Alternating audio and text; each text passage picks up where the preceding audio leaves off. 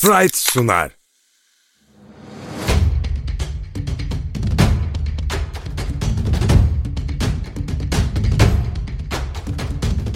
Top yalan söylemez.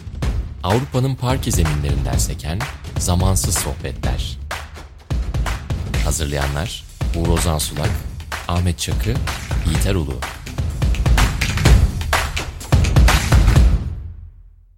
Sokrates'ten merhaba. Sprite'ın destekleriyle hazırladığımız Top Yalan Söylemez'in final bölümündeyiz. Sezonun son programı ve mutlu bir şekilde bu programı açıyoruz. Anadolu Efes Euroleague şampiyonluğunu elde etti. İkinci kez bu kupa ülkemize geliyor ve her zaman olduğu gibi Ahmet Çakı, Yiğiter Ulu ikilisiyle birlikte bugün programdayız. Merhabalar. Merhaba. Yiğiter abi bekliyor. Ee, şu anda e, ben sözü... ilk, ilk söz Ahmet'te diye. Yok hayır. Normalde de zaten e, bu geleneksel açılışı çok kullanmıyoruz programda ama uzun süredir birbirimizi görmediğimiz için bu şekilde başlayayım dedim. Peki yani tabii ki çok mutluluk verici bir olay. Bir kez daha e, kupanın Türkiye'ye gelmesi. CSK maçı çok korkuttu. Maçları zaten hani detaylıca konuşuruz ama isterseniz hani duygusal etkisi, Türk basketboluna olan etkisi ya da olması beklenen etkisini konuşarak başlayalım. Hı hı. E, Efes'te çok uzun yıllardır Avrupa basketbolunda hani istikrarlı bir şekilde yatırıma devam eden ve kupa olarak yani kupa bir şampiyonluğu olarak ilk kez karşılığını aldı bunun.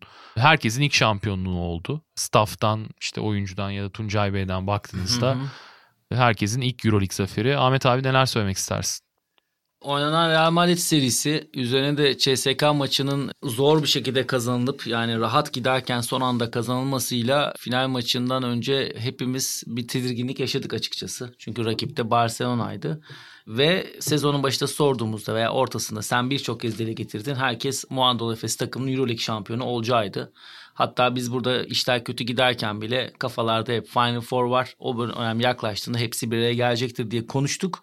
Ama ben final maçını izlerken ve bittiği anda ya bu kadar da kolay değilmiş. Yani gerçekten bir şampiyon olmuşçasına gerçekten sevindik. Çünkü Real Madrid maçındaki İspanya'da oynanan maçlar ve CSK maçı gerçekten bizi birazcık tedirgin etmişti. Orada da işte Shane Larkin'in performansı.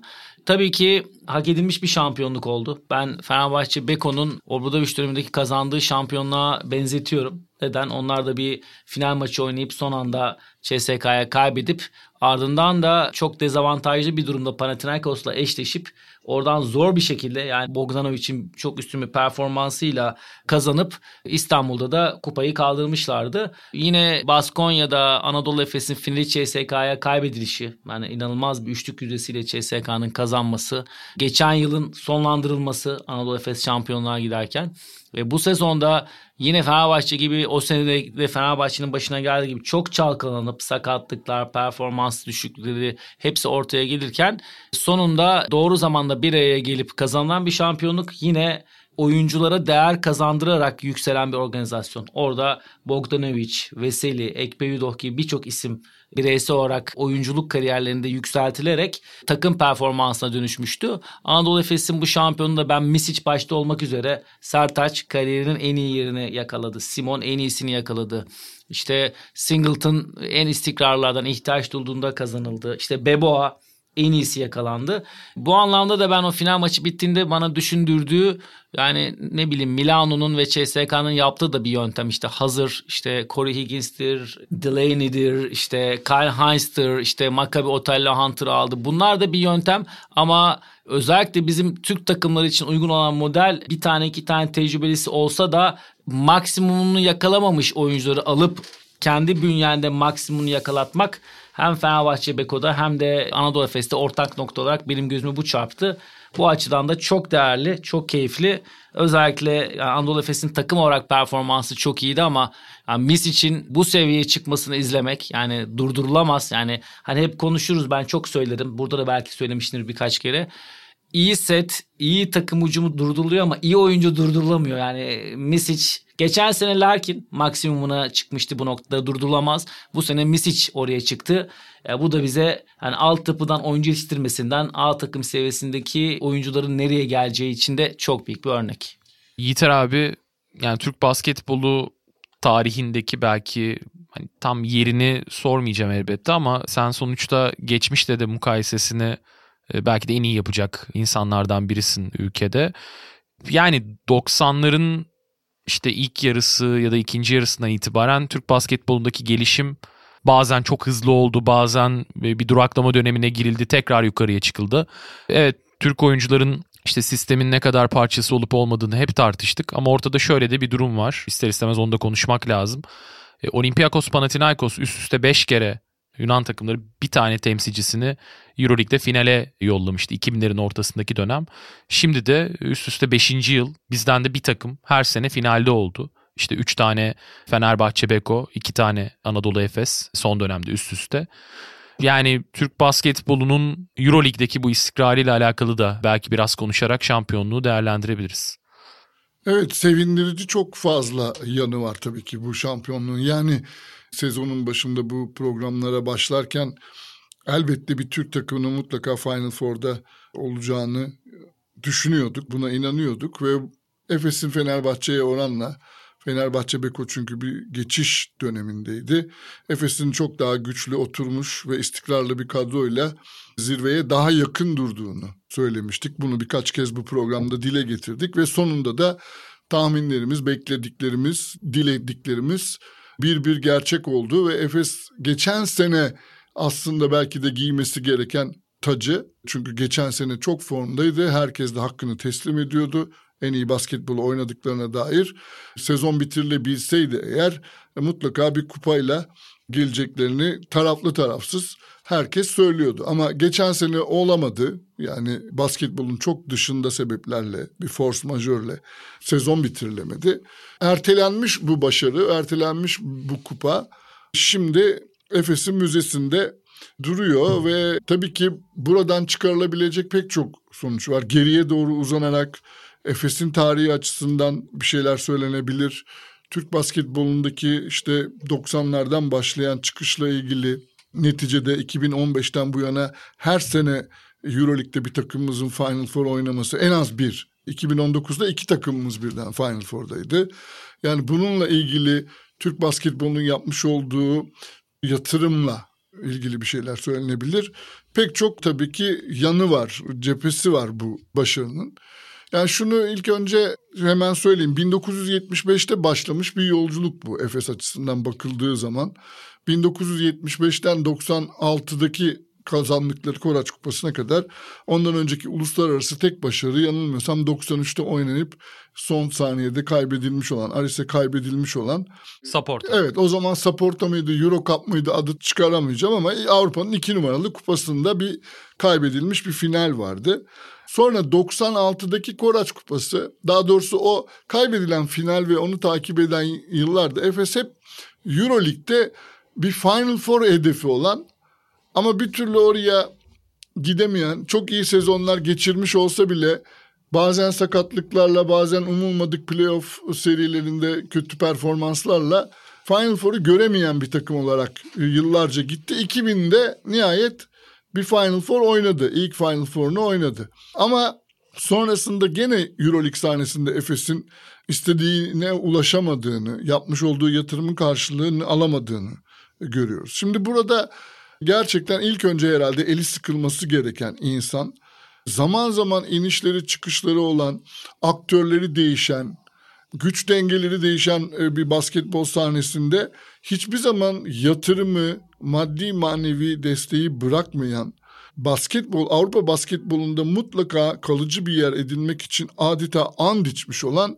Özilhan ailesi var. Artık Tuncay Özilhan demeyeceğim sadece çünkü eşinin ve çocuklarının da ne kadar tutkuyla bu takıma ve bu spora bağlı olduklarını yaşayarak görüyoruz. Yani Özilhan ailesinin tutkusu, ısrarı, inadı, bu konudaki direnci bence bu takımı alıp önce 1975'ten 96'daki Koraç Kupası'na getirdi. Sonra da oradan buraya getirdi. Bu hakikaten karşısında önümüz ilikleyerek belki de saygı duruşuna geçmemiz gereken müthiş bir istikrar tablosu. Tabii ki bu tablonun başlangıç noktasında bugün belki fotoğrafa giremeyen ama o kulübe çok çok emek vermiş olan Pananatovlar, Aydın Örsler var. Bugün aramızda olmayan rahmetli olan Çetin Çekiler, Umur Ünsallar, Özcan Mutlugiller var. Yani o kulüpte basketbolun Avrupa'daki herhangi bir rakipten çok güçlü, çok büyük gelenek sahibi, işte bir Real Madrid'den, Barcelona'dan, bir Zalgiris'ten, Panathinaikos'tan ya da Milano'dan aşağıda kalmaması için çok emek vermiş insanlar var. Oyunculara elbette geleceğiz ama Efes'in bu çizgisinin Avrupa'da da artık çok büyük saygı gördüğünü hepimiz biliyoruz. Diğer yandan sahadaki oyunla ilgili Ahmet de zaten çok doğru noktalara parmak bastı. Yani en önemli şeylerden bir tanesi hazır oyuncu almak yerine belki de Euroleague'de kendini kanıtlamış ama bir üst noktaya sıçrayabilmek için uygun şartları, olumlu koşulları bekleyen patlamaya hazır oyuncuyu bulup getirebilmek ki bunların başında bence Misic ile Larkin ikilisi geliyor. Tamam Larkin'in bir Baskonya deneyimi vardı ama bir şey kazanmamıştı. Misic de Zalgiris'ten geldiğinde hiç bu kadar üst düzey bir oyuncu olabileceğine ki herhalde kimse inanmıyordu. Değil mi? Yani Ergin abi bile röportajlarında bunu işte biz normalde onu backup diye aldık Shane Larkin'in geçen yıl hatta bu yıl değil anlatırken evet. öyle anlatıyordu. Ya evet o Zalgiris'teki şey de hep konuşulur. O zaman sen daha iyi bilirsin Saras'a da yakınlığından dolayı. Ya Pangos biraz tamam çok iyi oyuncu ama böyle kaymağı o yedi gibi sanki. Misic böyle ikinci planda kalıp evet, Efes'e evet. geldiğinde böyle çok konuşulmamıştı. Yani öyle bir de Zalgiris'te unutulmaması gerekir ki hep post-up oynuyordu. Ya iki numara post-up'ında kullanıyordu Ya belki Şaras. şöyle bağlaştırabilir miyiz? Final Four'daki Yasikevicius'a yapılan en büyük eleştiri belki bu yıl boyunca hani oyuncuları çok dizginleyip baskılamasından dolayı limitli bir şekilde kullanım. Hani şimdi Mirotic'i final maçında gördük. İşte diğer oyuncular Kalates başta olmak üzere Corey Higgins'in bile işte nerede top kullanıp kullanmayacağı çok belliyken Zagiris'te de bu bu kadar dizginleme birazcık da Mis için de potansiyelini ortaya çıkarmayı demek ki engelliyormuş. Bugün baktığımızda bunu ortaya ya, koyabiliyoruz. Çok doğal bir geçiş oldu bence. Yani iyi yönetilmiş bir kariyer. Yani iyi alınmış kararlar bence Mitsic açısından. Çünkü ya biraz hani köprüden önceki son çıkıştı. Yani Tofaş, Jagiris, Efes çalıştığı koçlar da yani işte Orhun Hoca, Şaras ve Ergin Hoca baktığımızda yani rahatlık, sertlik, rahatlık şeklinde ilerledi bence. Orada bir... Pesic'i atlamayalım. Bayağı Münih Pesic'in. Ama orada devam etse oraya... kaybolup gidecekti Pesic. Evet evet. Yani o Pesic döneminde Münih'ten ayrılıp Red Star'a geldiğinde tam ben de Anadolu Efes'teyken biz karşılıklı oynamıştık. O dönemden esasında potansiyelini ortaya koymuştu. Hatta Efes'te bir dönem konuşuldu. Hem Guduric yani ikisi de beraber Guduric, Jovic ve e, Misic. Misic üçü beraber oynuyordu. Misic ve Guduric'i böyle bir ikişer üç aylık kontratla alma fikri vardı o dönemlerde de ama şu geldiği nokta gerçekten yani inanılmaz bir şey. Yani pek çok oyuncunun şu geldiği noktayı e, bence yıllar önce tahmin edemezdik. Şimdi ben final maçını izlerken eşime dönüp bir ara Sertaç'ın attığı bir basketten sonra ya inanmak kolay değil. Beş sene önce Uşak'ta ilk beş başlayamıyordu dedim. Ha, tabii yani canım, o e, Trabzon, Erik, Baklı, Erik Baklı'nın yediğiydi yani Uşak'ta. Şimdi 5 sene önce Sertaç'a deseniz ki Euroleague finalinde oynayacaksın ve damganı vuracaksın. Yani kendisi de inanmaz, Ama anası babası da inanmaz. Ne istendiğine de bağlı. Ondan her zaman git post up yap. İşte pick and roll'de show up'ı çık isteniyordu mesela. E şimdi iki oyunu iki uzunla beraber durdur 2'ye 2. Rol yerine üçlüye açıl, oyunu aç, şutu at. Ya biraz da demek ki kullanım şekliyle alakalıymış. Kesinlikle ya, ya da ya da ne bileyim yıllar önce ilk defa Banvit'e geldiğinde Moerman'ın böyle bir kariyeri olacağını hangimiz tahmin edebilirdik? Evet. Gene aynı şekilde bir başka oyuncu Simon'u ben Milano formasıyla izlerken ya adam bu adam artık canından bezmiş çok zoraki oynuyor ayakları gitmiyor falan diye düşünürdüm. Kuban'dayken bizim fikrimiz çok iyiydi de Kuban'dan Milano'ya geçti gerçekten çok kötü gözüküyordu. Malaga ve Ama Milano'nun Milano... o dönemlerinde yani e, Michael Jordan da Milano'da kötü gözükebilirdi. Hmm. Yani öyle bir kısmı da var. Ama şimdi bu oyuncuları hani bu oyuncuları e, modacı değilseniz Milano evet belki de modacılar için iyi bir yer ama basketbol için değil diyorsun. O dönem için söylüyorum. Evet. Şimdi bu oyuncuları bu ruh hallerinden basketbolla olan ilişkileri bu kadar zarar görmüşken yani basketbola olan sevgilerini, tutkularını önemli ölçüde yitirmişken o ruh hallerinden çekip çıkartmak, getirip burada çok başka rollerle hatta rolden de ziyade. Çünkü Ergin Ataman'ın başarısı bence şurada. Oyuncuya bir rol biçmiyor. Yani o mesela Saras ne yapıyor? Oyuncuya bir kaftan giydirmeye çalışıyor. İşte bir, bir kalıba dökmeye çalışıyor onu. Ergin Ataman oyuncuyu kendi haline bırakıyor. Onun yapabildiklerini, yapamadıklarını önce bir görüyor. Ondan sonra da büyük ölçüde o özgürlükleri verdiği için oyuncu o o özgürlüğü doğru kullanmak adına belki de daha iyi çalışıyor. Bir aidiyet hissediyor. Evet, hem aidiyet hissediyor hem daha canlı başla sarılıyor işine, pozisyonuna. Bütün bunlar e, son toplamda müthiş bir resim ortaya çıkardı. Yani çok güzel bir takım, izlenmesi çok keyifli bir takım ortaya çıkardı. Herkesin hakkını teslim ettiği, yani Anadolu Efes geçen sene de şampiyon olmalıydı. Zaten geçen sene olamadılar, bu sene de haklarıydı diye bana mesaj atan yani Fransız işte ne bileyim Finli, İspanyol arkadaşlarım da oldu final maçı e, devam ederken ya da sonrasında. Güzel şeyler bunları duymak zaten bunlar için yaşamıyor muyuz? Yani bunlar için yapmıyor muyuz bu programları? Doğru. Yiğiter abi az önce senin söylediğini biraz açabiliriz. Yani oyuncuları e, bireysel olarak işte kariyerlerinin gidişatı Efes'e geldikleri anı hatırlayacak olursak.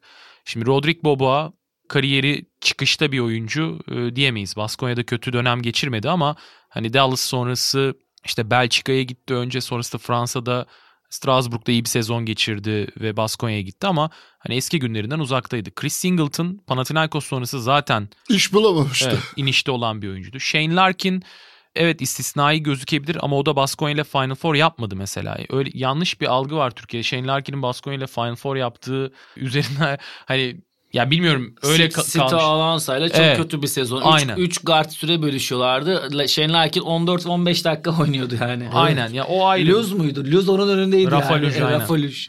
e, Adrian Moerman Barcelona'da çok yani beklentiyi karşılayarak gelmedi. Zaten beklentiyi karşılasa Barcelona'dan ayrılmazdı. E, Tibor Plyce Galatasaray Valencia o da yine kariyeri Utah sonrası çıkışta bir oyuncu denemez. Vasilya Mitsic ayrı bir noktaya koyuyoruz ama o da süperstar olması e, beklenerek buraya gelmedi ister istemez. E, James Anderson benzer hikaye. Dunstan zaten takımdaydı. Simon'u da konuştuk. Yani Efes'in kadrosunun kuruluş aşamasını gelen oyuncuları geldikleri noktada değerlendirdiğimizde bir kişi de çıkıp şunu demezdi. Evet bu takım şampiyonluğun en güçlü 3-4 adayından biri. Kağıt üzerinde. Kağıt üzerinde. Evet. Kimse demezdi. Hani sürpriz bir Final Four adayı belki denebilirdi. İlk gittikleri sene 2019'daki Final Four'a giderken o zaman sürpriz bir Final Four adayı olarak başladılar ve Final Four'a gitmeleri de sürpriz olarak görülmüştü Tabii, kesinlikle değil mi? sürpriz. Yani, yani zaten oradan sonra bence Efes o saygıyı kazandı. O Aynen. Final Four'a gidip orada finali oynadıktan sonra. Ve şu an baktığımızda kadroya en pahalı kadro Efes mi? Hayır değil. En yetenekli kadrolardan biri orası kesin ama kadrodaki her oyuncu işte her paydaşı üzerine koymuş. Belki teknik ekipte bireysel olarak üzerine koymuş. Yani Ergin Ataman evet diğer kupaların hepsini kazandı. İşte Euroleague'de dördüncü kez Final Four e, oynamış oldu. Yani yeni başlayan biri değil tabii ki koçluğa ama e, bence o da olgunlaşarak yani Euroleague şampiyonu olabilecek bir takımın... Ya Ergin abiyle bir ilgili istatistik vardı biliyorsunuz. İşte Euroleague açıkladı. En çok maç kaybeden Euroleague koçu ol, evet. oldu. Oradan yani artıya taşıdığı e, yüzdesini Euroleague şampiyonu oldu. Yani bu çok çok değerli. Total bir gelişim oldu yani oyunculardan koçuna, teknik ekibine, kulüpten. Ve şu benim açımdan mutluluk verici. Yani ben bu seneki şampiyonluğu düşünürken de ki bunu Fenerbahçe Beko için de söyleyebiliriz o dönemlerde. Ya Euroleague'de ne olursa olsun yani parayı verenin düdüğü büyük oranda çaldığı bir yapı var. Yani belki şampiyon olamıyorsunuz ama parayı verip büyük oranda daha başarılı olma lüksünüz var. Hı hı. NBA'den zaten hani ayıran nokta bu evet, doğru. fark bu.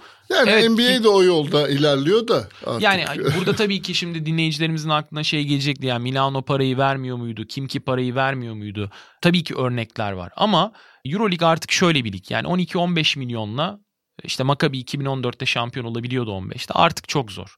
Yani 20, 25, 20 ile 30 arası bantta en azından bir bütçeniz olması lazım. Ama bu yol bu yol ortaya koydu. Yani Efes'in yaptığı şu yol gösterdi ki bunu başarabilen takımların da şampiyonluk şansı olacak. Evet ve Efes'in şampiyonluğunu şuradan da e, okuyabiliriz. Geçen düşünüyordum. Bologna ve Žalgiris de konulabilir.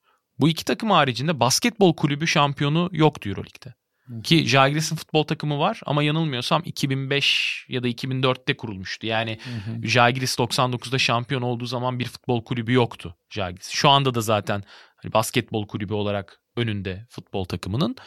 Ama tamamen basketboldan gelen bir takımın Euroligi kazanması da bence önemli bir nokta. Mükemmel bir değil. şey yani Eurolig'in adına da çok sevindirici bir şey bu. Yani Barcelona'sı, Real Madrid, Olympiakos'u, Panathinaikos bunların hepsi futbolla bağdaşan kulüpler. Bir gerçekten sadece basketbol odaklı ve erkek basketbol odaklı bir takımın gelip kazanması böyle bir organizasyonla ya NBA'yi siz daha iyi biliyorsunuz ama NBA'de bile bir organizasyonun bir şeyi 5 yıl önce başlatıp adım adım büyüterek getirip şampiyon olması bunu istiyor NBA yani. Bütün bu draft sistemleri, işte salary cap'ler bunun için. Yani Euroleague'in de kendi içinde bir takımın böyle organize olarak gelmesi klasikleşmiş CSK, Barcelona, Real Madrid finali ve şampiyonluktan çok değerli. Çünkü siz bir şekilde daha geniş bir kitleye ve bu işin biraz daha adil olduğunu ve buna yatırım yapan hem mental hem de bütçe olarak adım adım büyüyen herkesin bunu başarabileceğini ortaya koymuş oluyorsunuz. O yüzden Euroleague'in pandemi döneminde Anadolu Efes'inin şampiyon olması en çok kime yaradı derseniz tabii ki Anadolu Efes'e yaradı ama Euroleague'e de çok yaradı bence. Peki Sprite'la net cevaplar bölümümüze geçelim. Sprite ile net cevaplar başlıyor. Evet yani konsepte uydurabileceğimiz şu anda en net durum e, Vasilya Mits için tabii ki performansı ama biraz şöyle de bakabiliriz. Yani Final Four'da sürpriz anlar ya da sürpriz kararlar, beklenti dışı e, kararlar her zaman olmuştur. Daha önce konuşuyorduk Final Four öncesi programda da işte Barcelona'nın nasıl bir oyun e, oynamasıyla alakalı beklentilerimizi ki ben Milano maçında yanıldım. Yani Ahmet abi hatta seni orada tebrik edeyim. Sen daha yüksek tempolu bir maç bekliyordun. Daha yüksek skorlu evet. bir maç bekliyordun. Ben daha çok... Ve Milano'nun yarı sahada hücum edecek evet. gücü olduğunu söylemiştim ki ilk yarıda Ama... bayağı ortaya koydular onu. Ama bu programın özelliklerinden biridir. Hak her zaman teslim edilir biliyorsun. Doğru Ahmet teşekkür ederim. Her zaman. Her zaman. Yiğiter abi şu an başını iki elinin arasına aldı ve söyleyeceği cümleyi düşünüyor. Neyse e, şeyi söyleyecektim yani Hanga'nın oynamaması e, benim açımdan. Ben Bolmaro'nun çok oynayacağını tahmin ediyordum ama Hanga'nın oynamaması Final Four'da e, beni çok şaşırttı ki Zenit serisinden de sonra. Yani Zenit serisinde Hanga'dan zaten Hani orada bir kopukluk vardı. Rotasyondan düşmüş gibiydi sezonun o bölümünde ama yani Zenit serisini belki geri getiren adam Hanga. O ikinci maç performansıyla o zaman birlikte. Hurtel'in ayrılmasına itibaren diye ekleyeyim ben. Oradan evet. itibaren Adam Hanga'nın özellikle guardda kullanılıp işte e, topa baskı, adam değişmedeki uzunla size'lı kalması ki ben de senin kadar ısrarlı bir şekilde bunu yani söylemedim ama ben özellikle Misic müdafasında kullanılmasını bekliyordum. Bizim yani için çok iyi oldu. Tabii, e, tabii Clever'dan çok daha artısı artı olacağını düşünüyorum açıkçası. E, o yüzden o da sürpriz oldu. Ya ben mutluluk verici gelişme olarak bu ikisini sayabilirim. Yani Hanga'nın hem oynamaması hem de tabii ki Mitz için e, istisnai performans. Benim adayım Kalates'ti. Konuşmuştuk geçen yayında. Ben de Kalates'i şundan dolayı söylüyordum. Koçun onu daha çok organizatör bir oyun kurucu olarak kullanıp çok öne çıkarmamasıyla Final Four'da hem skor atıp hem de müdafada biraz daha öne çıkacağını bekliyordum. Özellikle Delaney müdafası Milano maçında ve Anadolu Efes maçında da Misic müdafası. Çünkü Kalates'in özellikle Panathinaikos'taki Xavi Pascual dönemlerinde topa yaptığı baskı ve adam değişmeden sonraki uzunla mücadelesi öne çıkmıştı. Esasında Milano maçında ofensif olarak da çok iyiydi. Yani maçın başından Mirotic ile ikisi çok iyi başladılar.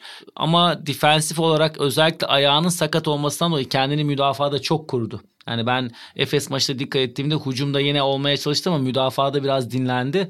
O yüzden o benim beklediğim sürpriz boyutuna gelemedi diye düşünüyorum. Abi, sen nasıl devam etmek istersin? Geçen hafta konuşurken ben e, Misic'i MVP adayı olarak göstermiştim. O orada isabet kaydettiğim için aslında çok mutluyum ama diğer taraftan da sürpriz oyuncu adayı olarak Adam Hanga'yı söylemiştim ben. Yani Yaskevicius'un onu banka çivilemiş olması onun böyle bir sürpriz faktör olarak ortaya çıkmasına engel oldu. Onu da bilemediğim için mutluyum. Çünkü yani Hanga'nın daha çok oynayacağı bir final maçı hakikaten Efes'in işini zorlaştırabilirdi.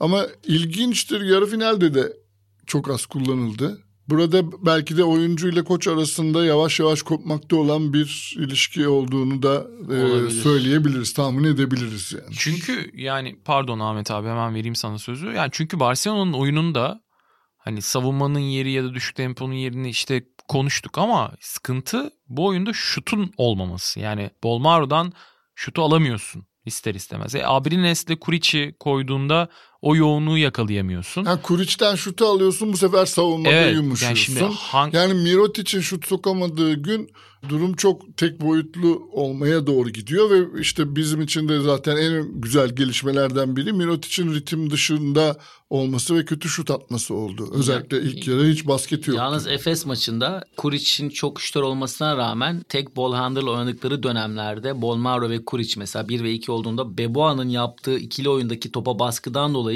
topu yere vuramadı hiç Kuric. Şutu bulamadığı yerde yaratmakta çok zorlandı. Benim asıl söylemek istediğim sürprizle ilgili acaba şunu söyleyebilir misin? Şimdi yayında geldi aklıma. Sertaç'ın üçlükleri değil de Barcelona'nın müdafaa anlayışından dolayı çember etrafındaki altı. bitiriciliği bir sürpriz sayılabilir mi? Switch sonrası Kalates'in erken topa gelmesi. Yani Sertaç'ın katkı verdiği yönü sürpriz olarak konuşabiliriz belki.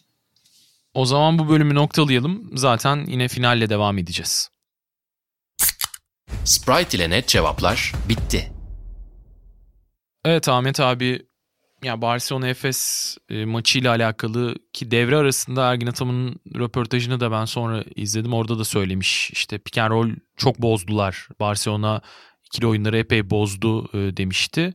İstersen yani maç öncesi planlar neydi Efes ve Barcelona cephesinde ne oranda uygulandı ve başarılı oldu? Onların e, girizgahını yaparak başlayalım. Öncelikli olarak aynı CSK'nın Michael Eric'le başlayıp switchlemesi gibi Barcelona direkten switchle başladı. Ya ben şuna inanıyorum. Özellikle bir örnek vereceğim. Geçen sezonun e, da öncesinde Rusya'da oynanan bir e, CSK Efes maçında dörtle oynanan pick switchlemişlerdi ve Shane Larkin çok büyük performans göstererek yenmişlerdi. O günden itibaren ben Shane Larkin, Misic tarzı oyuncuları switch'in çok da uygun bir müdafaa olmadığını düşünmüştüm. Ama işin bir yerinde bu kadar durdurulmaz oyuncular oldukları için bir yerde yapmak zorundasınız. Ama hem CSK'nın hem Barcelona'nın bence en büyük hatası bütün maç boyunca yani 3 dakika CSK biz onlarında ama Barcelona özellikle 40 dakika switch yapıp bir de en iyi oyuncunuz Davies özellikle Zenit serisinden itibaren bana göre en önemli oyuncusuydu. Yani 40 dakikaya yakın Misic'in ve Lakin'in birebir karşısında ortaya koyuyorsunuz. Bu bir kere çok tahmin edilebilir bir hal aldı. Yani maçın başında çok işe yaradı.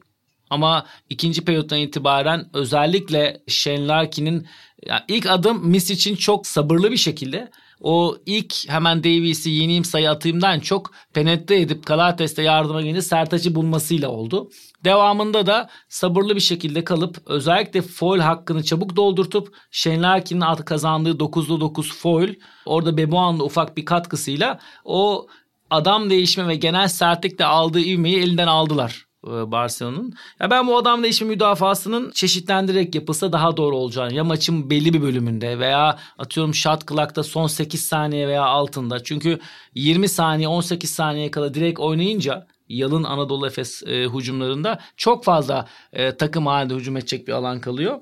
İkincisi de CSK'nın takım halinde o özellikle Mirotic başta olmak üzere Kalates'te sakat sakat oynadı ama tamamen hücum performansını alamaması. Çünkü ikinci araya baktığınızda tamam durduramadılar Anadolu Efes'in kısalarını özellikle Misic'i ama e, ikinci yarıda e, Davis dışında bir hücumda opsiyonda çıkartamadılar. Yani Davis'in postabı, Davis'in bir tane sokmuş olsa da üçlüye popuyla oynamaya çalıştılar.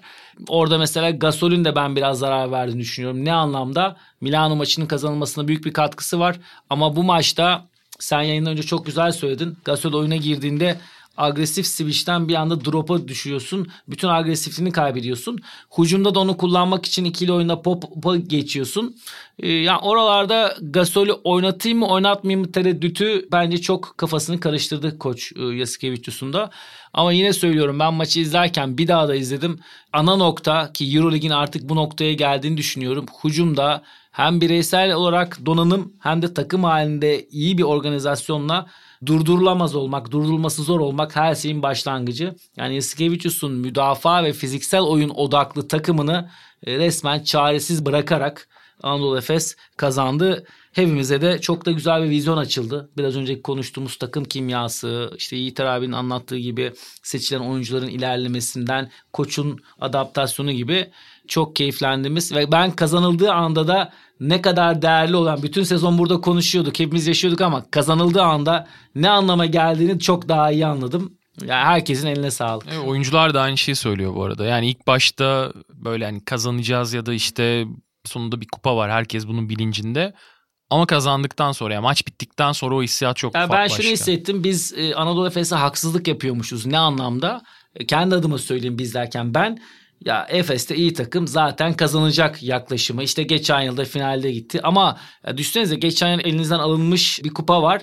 Üzerine bütün sezonu yaşıyorsunuz. Bütün sezon Final Four'a gidiyorsunuz.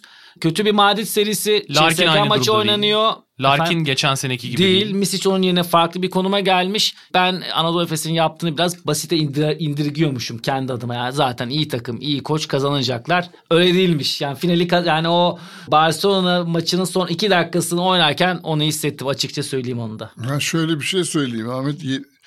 Gelirken saydım galiba 76 maç oynamış şu ana kadar Anadolu Efes. Bilmiyordum. 14 maçı kaybetmiş sadece. Yani 76'da 62 galibiyeti var. Ve sanıyorum 1 Ocak'tan itibaren yani 2021 yılı başladığından itibaren 5 ay içinde toplam mağlubiyet sayısı 6. İnanılmaz. Ee, şimdi bir tane daha kaybetmiş olsalardı bu mağlubiyet sayısı 6 değil 7 olsa şampiyonluk gidecek. Yani o kadar acımasız ki aslında Final Four sistemi. Yani bu kadar istikrarlı, bu kadar başarılı, sahada istediği her şeyi yapmış gibi görünen bir takımın yani sanıyorum NBA takımlarında e, bile yani bu 62 kazandığınız zaman 76'da 62 e, müthiş bir şey yani ço- E, çoğu canım. tarihe geçen e, şeyler. Ya finali yüzdeler. kaybettiğini düşünsene Yiğit Ama abi bu- tekrar böyle- Allah korusun. böyle gidip bir, bir daha tane- başa sarıp Evet. seneye hadi bir daha kazanalım. Ve Çok Ve zor. olmadı diyeceklerdi yani. Güncel bir örnek var şimdi yani onu konuşabiliriz. Clippers müthiş bir sezon geçirmedi. Ama Dallas serisinde favoriydi Clippers. Kendi evinde 2-0 ye- geriye düşerek 2-0 başladı. geriye düştü.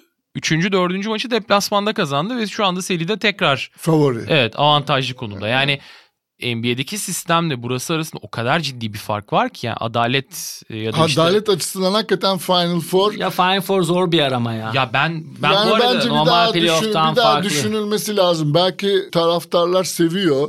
Hani dört takımın taraftarı bir kente Aa, bu gidiyor. da başka bir şey ya Orada gerçekten. müthiş bir heyecan oluyor vesaire ama adalet açısından hakikaten çok sorgulanabilecek bir sistem. Çünkü bütün sezonun yükü gelip tek maça, tek topa bazen e, binebiliyor. Yani Ahmet çok güzel teknik olarak e, analizini yaptı işte özellikle final maçının. Yani e, ben burada bir tek oyuncuya küçük çünkü sahada az kaldığı için belki de fazla kimsenin bahsettiği bir adam olamadı. Ama ben bir oyuncuya bir parantez açmak istiyorum. Yani Tibor Plyce olmasaydı o 8 dakikayı oynamasaydı final maçının nasıl gelişeceğini hiçbirimiz bilemeyiz. Ben Tibor Plyce'ı Mars'ı kesen adam olarak görüyorum. Yani maç Mars'a gidiyordu aslında. Tamam belki de Yasikevicius sonra yapacağı değişikliklerle gene dengenin gelmesi için bize yardımcı olacaktı. Çünkü Gasol'ün sahaya girmesiyle bir anda onlar kendi savunma düzenlerinin dışına çıktılar. Ama şimdi bir Efes'le oynayan her koç biliyor ki Efes'in en önemli iki silahı hatta Boboa'yı da katalım üç silah. Yani guardlarının topa yön veriyor olması ve bütün hücumun buradan şekilleniyor olması. E şimdi guardların üzerindeki baskıyı arttırdıkları zaman ve bunu da iri yarı adamlarla yapabildikleri zaman hem ayağını çekebilen hem de size'ıyla bütün açıları kapatabilen adamlarla yaptıkları zaman bu Efes'i zorlayan ve düzen dışına çıkartan bir şey. Tamam yüksek show up işte switch'ten sonra Davis'in işte ya da Klaver'in vesairenin yenilmemesi kısalara. Bütün bunlar e, final maçında Efes'i zorlayan ve iplerin elinden kaçmasına neden olan faktörler olarak dikkatimizi çekti. İlk başta Sertaç tamam çok güzel kullanılmıştı. Mis için penetre edip onu bulmasıyla çember altında. Ama sonra o açıları da o pas açılarını da kapatmaya başladılar. Evet. Ondan sonra Plyce'ın pop out etmesi ve Gasol'ün tabii ki onu izleyememesi Plyce'ın orta mesafeden üçlükten bulmuş olduğu isabetli şutlar sonra da çember altında kendi savunmasında çok yardımcı olması takıma bir anda maçın gidişini Abi değiştirdi. önceden karar verilmiş biliyor musun? Çünkü Dunstan girdi Sertaç'ın yerine. Gasol oyuna girdiği anda Plyce girdi ve Pop Evet. açıldı. Yani bu ben Ergin Ataman'ı koça yazmak istiyorum bunu. Kesin. Orada Gasol oyundayken Plyce'la oynayıp Pop'la açmayı ve kısa ara daha alan açması konuşulmuş. Plyce konusunda kesinlikle katılıyorum. Madrid serisinde de ben herkes Simon üçlüğünü konuşurken burada yayında Evet. da söylemiştim. O Plyce'ın attığı üçlüyü daha değerli bulmuştum. Evet. Kesinlikle kim kazanırdı bilemeyiz ama çok farklı bir senaryoda gelişirdi maç. Ben Yani e, şu anda bu sezon herhalde bilemiyorum şu an önümüzde yok ama Efes'in dakikalarına baktığımız zaman oyuncuların oynadığı dakikalara Plyce herhalde en altlardadır. En az oynayan oyunculardan biri. Tabii ki. Bu kadar az oynayıp bu kadar girdiği dakikalarda verimli olan, faydalı olan ve o dakikalarda çok kritik yani bir anda maçın gidişatını değiştiren Eli hiç titremeden atıyor mesela. Bu nasıl Şeyler bir şey? yapan- Yani o hani Alman soğukluğu mu denir, e, Euroleague tecrübesi mi denir? Yani yani bu, çok faydalı oldu. Bu Plyce'ın ilk Xavi Pascual döneminde Barcelona'ya alınışı, onu işte kullanılmaya çalıştığı yöntem gerçekten orada da böyle short roll veya popunu kullanmaya çok çalışıyorlardı ama müdafaa da inanılmaz kötüydü. Tabii ki işte yetenek önemli ama tecrübe de önemli bir şey. Zaman özellikle uzun oyuncularda çok önemli. Yani 30 yaşın üstündeki olan oyuncularda genelde böyle yaşlı muhabbeti başlar ya. Ben uzun oyuncularda 30'dan sonra hatta hani bizim eski Darüşşafaka'da şey konuştuk. Okunski'yi almıştık. Biz 33 yaşındaydı. O zaman şey demişti diye konuşmuştuk. Ya 33 yaş bir uzun oyuncu için en olgun dönemi demiştik. Bana göre o yaşlarda ki Plyce tam olarak kaç yaşında bilmiyorum ama 31 oldu galiba. yani oralarda en az bir 5 yıl daha bu ritimde oynar ve çok büyük de katkı verir. Yani Barcelona alıp bu katkıyı alamamıştı mesela. Büyük bir bonservis de verip Baskonya'ya sanırım değil mi Ozan? Baskonya'dan almışlardı. E, Plyce'ı mı? Evet, öyle olması evet, lazım. Evet. Ve yani farklı oyuncular tabii ki ama kariyer sonu biraz belki Boniface Endong'a benzeyebilir Plyce'ın. Yani kısa Onun üçlüğü yoktu. Hayır, Orta mesafeydi şey daha. oy- evet. oyuncu profili olarak söylemiyorum. İşte süre oyunda kaldığı zaman boyunca katkı. e- e- etki olarak. Mesela yoksa süre açısından değerlendirdiğimizde illa karşılaştırma yapacaksak Ergin Ataman'ın kariyerinde Nathan Cavai de benzer bir rolde kullanılmıştı. Çok farklı Yani oyuncular. o da aslında sakatlanmasaydı Yok. belki de Benim söylediğim şey sadece şu yani işte 10 dakika, 8 dakika, 12 dakika bu oyuncuların sahaya girip farklı bir boyut yani kendi güçlü özellikleri neyse işte Endong'un zaten yani Barcelona'da çok büyük bir kontratla Malaga sonrası orada olup çok majör bir rolde de e, olduğunu biliyoruz. Sadece yani kariyerinin ilerleyişinde işte Ahmet abi uzunların yaşı ve kariyerin uzamasından bahsetti. Hala üst seviyede e, Plyce'ın kullanılabilmesi de bence yani gayet önemli. Çünkü hani o boyda bir oyuncunun bir kere yani serbest atış defekti yok. Bu çok önemli zaten. Postabı var, Her şey var. var, Face-up var. var. Ya bir de Efes'te şöyle bir durum da oluştu bence. Yani uzunlar sırayla uzun dönemli sakatlık yaşadı. İşte Dunstan uzun süre sakatlık yaşadı. Sertaç'ta Plyce çok öne çıkmıştı. Dunstan- Sonrasında Plyce yokken Sertaç, Sertaç- Dunstan bir şey yakaladı. Ya önümüzdeki yıl Sertaç'ı bilmiyorum ama Dunstan'la Plyce'ın kontratı var benim bildiğim Sertaç'ın kadarıyla. çıkışı var. Ya ben şöyle düşünüyorum. Plyce'ın önümüzdeki yıl ki bu yılda ben buna çok üzerinde duruyordum. Plyce'ın Dunstan'ın önünde bir rol alacağını düşünüyorum ben. Yani Dunstan'ın çünkü ikili oyun müdafası ve rol sonrası bitiriciliğinde ya Plyce'a göre çok çeşitlilik var. Plyce şu anda efficiency'de Yiğit abinin anlattığı çok daha öne geçti bence. Yani pop sonrası da çember etrafı bitirişte de bana göre şu an Dunstan'ın önünde. Ama Dunstan tabii ki ne olursa olsun kısa sürelerde biraz yaşından dolayı da olsa faydalı bir oyuncu. Yani faydasız gibi bir şey çıkmasın ama ben Plyce Sertaç ikilisinin Anadolu Efes'teki kısa basketboluna daha uygun bir role geçtiklerini düşünüyorum. Bu daha iyi bir anlatım oldu.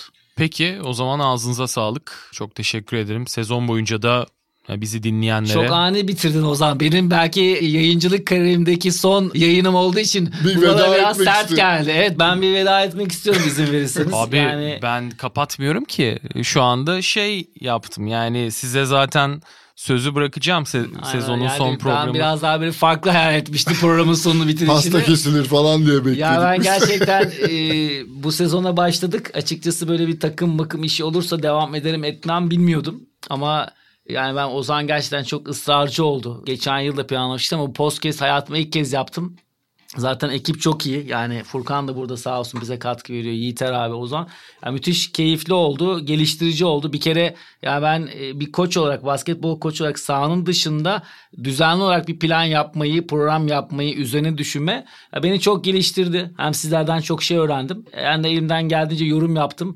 Yani programlarda biraz bazen çok konuşup bizi koçlar çünkü çok konuşuruz. Lafınızı kestiysem veya e, rol çaldıysam şimdiden özür diliyorum. E, ama Yok canım, çok geliştirici, bir şey keyifli bir yıl oldu. Başta Ozan'a, devamında da Yiğiter abi size ve Furkan'a çok teşekkür ediyorum. Umarım dinleyicilere bir şeyler aktarabilmişizdir. Abi biz, biz teşekkür ederiz. Yani benim görevim zaten dinlemek bu programdaki rolüm. Aslında ee... biz bugün seni dinleyecektik ama gene kaçak Aynen. Gene kaçak oynadın. Olsun. Köln, yani Köln... Kö, halbuki bugün bizim değil senin konuşman Bence gerekiyordu. Ozan'ın tek yani çünkü başına... Köln'e giden aramızda bir tek Ozan var. İyi abi şu olabilir mi? Siz moderatör rolüne geçip Ozan'la birebir sadece Ozan'ın Euroleague Final Four tecrübe anlattığı bir yayın olabilir mi? Köln hatıralarım diye ben bir kitap sunacağım e, yani piyasaya. O da Aynen. Ama yani. keyifli gerçekten bir sezon oldu. Yani bunda tabii en büyük teşekkürü herhalde takımlarımıza ve onların işte orada emek veren oyunculara, teknik adamlara borçluyuz. Çünkü gerçekten hem oynadıkları basketbolla sonra da Efes şampiyonluğa ulaşarak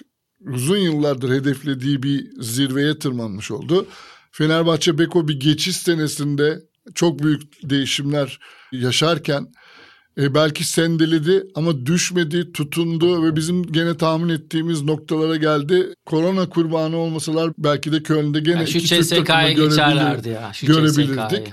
En çok onların sayesinde e, bu programlar eğer dinlendiyse, takip edildiyse onların aldığı sonuçlarla oldu. Biz de onların aldığı sonuçların üzerine bir şeyler söylemeye çalıştık ama çok e, bu stüdyoya her hafta gelmekten dolayı ben çok mutlu oldum kendi adıma. Ben de aynı şekilde. Ee, o zaman Ahmet abi sen kapatabilirsin. Ee, madem Valla bizi dinleyen yani bütün bir yıl boyunca düzenli bir şekilde dinleyen, yorumlarını da Ozan Ursol'a ileten bütün dinleyicilerimize teşekkür ediyoruz. Bütün ekip arkadaşlarıma da ben kendi adıma teşekkür ediyorum. Herkese iyi tatiller. İyi tatiller. Sprite sundu.